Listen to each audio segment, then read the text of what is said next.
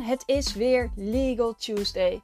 De dag waarop jij als ondernemer kort stil kan staan bij de juridische aspecten van het ondernemerschap. Ik ben Josine van der Brug, eigenaar van Tak Legal en Privacy, kan wel jurist en beschermer van het MKB. Mijn missie is ondernemers ondersteunen bij het juridisch beschermen wat voor hen waardevol is. Elke twee weken bespreken we op Legal Tuesday verschillende juridische aspecten van het ondernemerschap. Om je aan het denken te zetten hoe jij als ondernemer je bedrijf aan het beschermen bent en wat het juridische daaraan zou kunnen bijdragen.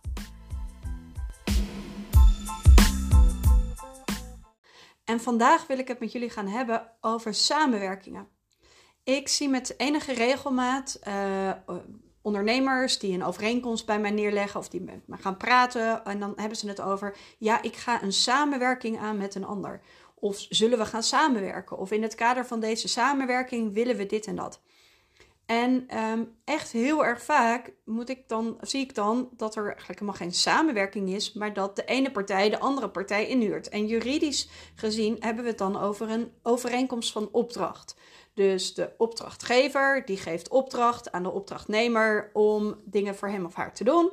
En daar staat dan een betaling tegenover. En natuurlijk vindt daar ook een, eh, ontstaat daar een relatie. En in die relatie, in die samenwerking, willen we dat graag op een prettige manier met elkaar doen.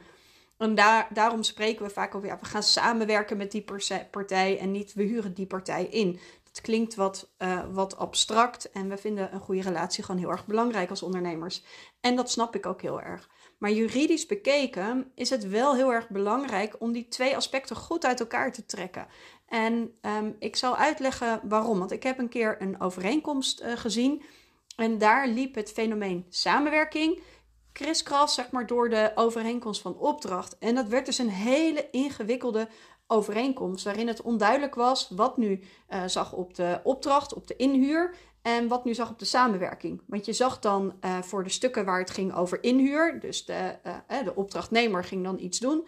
Daar stond dan een betaling tegenover, maar dan een artikel verderop stond dan: ja, maar voor deze zaken mag er geen factuur gestuurd worden, want dat is in het kader van de samenwerking. En um, ja, een overeenkomst die niet duidelijk is, is gewoon een risico op conflicten achteraf, uh, discussies over wat er nu echt is afgesproken. Dus wat is nou verstandig om te doen? Om het heel erg uit elkaar te trekken.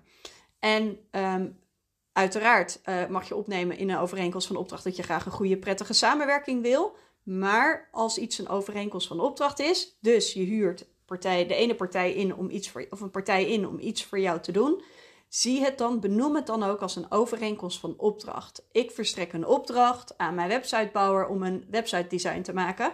En um, ik vind het wel fijn als dat in goed overleg kan gaan. Dus dat we een prettige samenwerking hebben.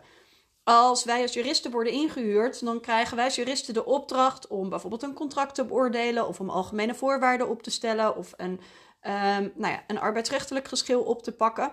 En natuurlijk verwachten onze klanten dat daar een prettige samenwerking plaatsvindt. Maar het zijn allemaal overeenkomsten van opdrachten. Het zijn opdrachten die worden gegeven. Is er geen opdracht, dan kan je ook niks meer doen.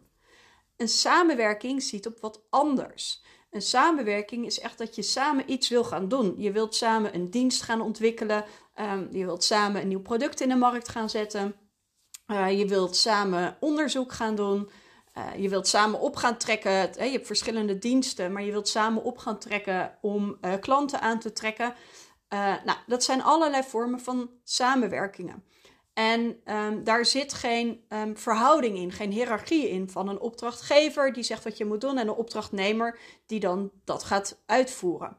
En um, bij een samenwerking zit ook heel vaak geen, zitten vaak geen financiële afspraken achter. En dat is heel vaak het idee van ieder draagt zijn eigen uh, zijn eigen kosten. Een samenwerkingsovereenkomst is juridisch niet meer dan gewoon een overeenkomst. Gewoon um, twee partijen maken met elkaar afspraken en die leggen ze schriftelijk vast met daaronder een handtekening.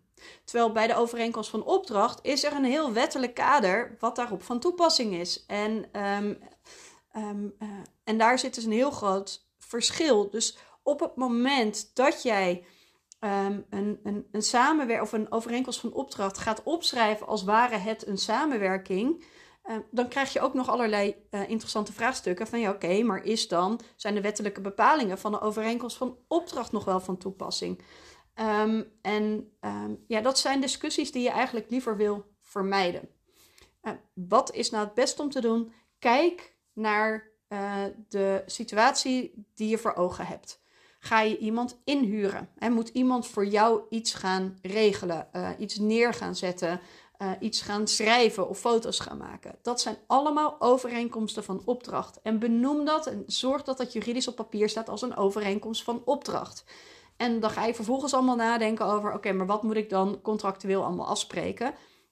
Een onderdeel van die contractuele afspraken kan dan zijn dat je uh, ervan uitgaat dat er een prettige samenwerking plaatsvindt, waarin mensen op tijd reageren, waarin mensen respectvol naar elkaar zijn. En op het moment dat dan die afspraken niet worden nagekomen, dan levert dat wanprestatie op en kun je op basis daarvan verder gaan acteren.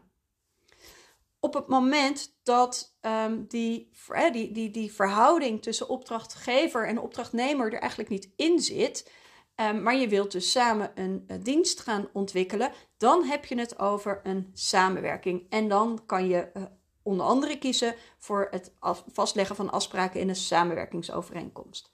Nou, er zijn ook nog andere uh, mogelijkheden naast um, natuurlijk niks afspreken, wat ik als jurist niet aanraad, want dat levert altijd gedoe op als het misgaat.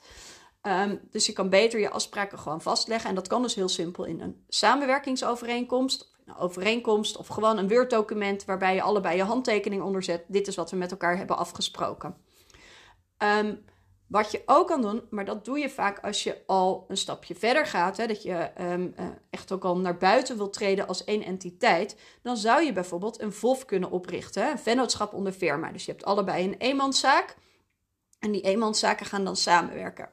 Waar je juridisch bekeken maar één eenmanszaak kan hebben, kan je meerdere, uh, meerdere VOFs hebben waaraan je deelneemt. En dan leg je de afspraken vast in een VOF-overeenkomst, dus een vennootschapsovereenkomst die is wel heel belangrijk om daar ook weer goed de afspraken in vast te leggen over en weer over um, niet alleen maar uh, je samenwerking, dus het product wat je bijvoorbeeld of die dienst die je wil gaan ontwikkelen, maar ook hoe je wil omgaan um, met de VOF als je besluit uh, te stoppen of als een van de partijen eruit gaat. Hè? Wat, wat, wat wil je dan met het auteursrecht? Dus je moet bij een VOF-overeenkomst al wat verder nadenken over de juridische consequenties uh, dan alleen maar bij een samenwerkingsovereenkomst.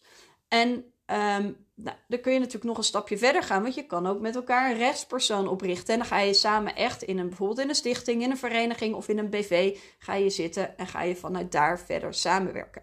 Nou, en wat, welke van die drie um, uh, je zou kiezen, ja, dat is heel erg afhankelijk van, nou, wat is de duur? Wil je voor een hele lange tijd iets aangaan met elkaar? Is het alleen maar voor een kort project? Wil je eerst alleen maar even met elkaar kennis maken om te kijken of het klikt en daarna wellicht verder andere stappen zetten? En dus daar zijn verschillende manieren voor mogelijk. Alles staat wel voorop wat heel erg belangrijk is. En of het nou een overeenkomst van opdracht is, dus je huurt iemand in, of dat je een samenwerking aangaat, is dat je ervoor zorgt dat je van tevoren heel goed weet wat je over en weer van elkaar kan verwachten. Dat je dus de afspraken, dat je daar goed over nadenkt, dat je die duidelijk op papier zet, zodat niet alleen jullie ze snappen, maar dat iedereen ze snapt. Um, dus elke derde lezer, uh, die ik dan bijvoorbeeld heel vaak ben als jurist, dat die ook begrijpt wat jullie hebben afgesproken. En waarom? Niet omdat je er op voorhand al van uitgaat dat het misgaat, maar omdat je dan gewoon heel um, helder bent in wat je van elkaar kan verwachten, wat jij van de ander verwacht, wat de ander, ander weer van jou kan, um, kan verwachten.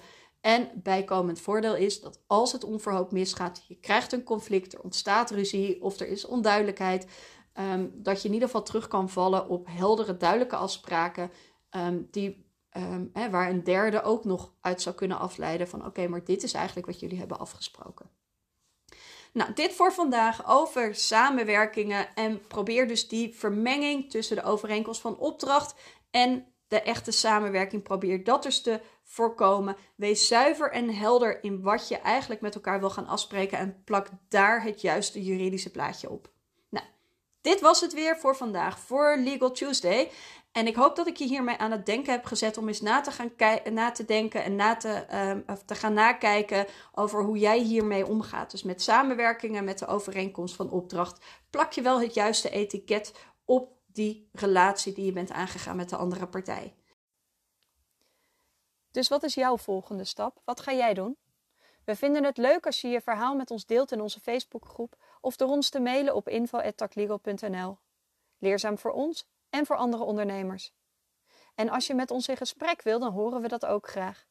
Wij kijken er naar uit om jou en je bedrijf te leren kennen.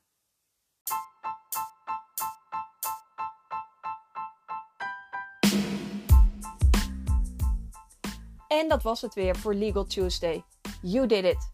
Een hele fijne dag verder en tot over twee weken.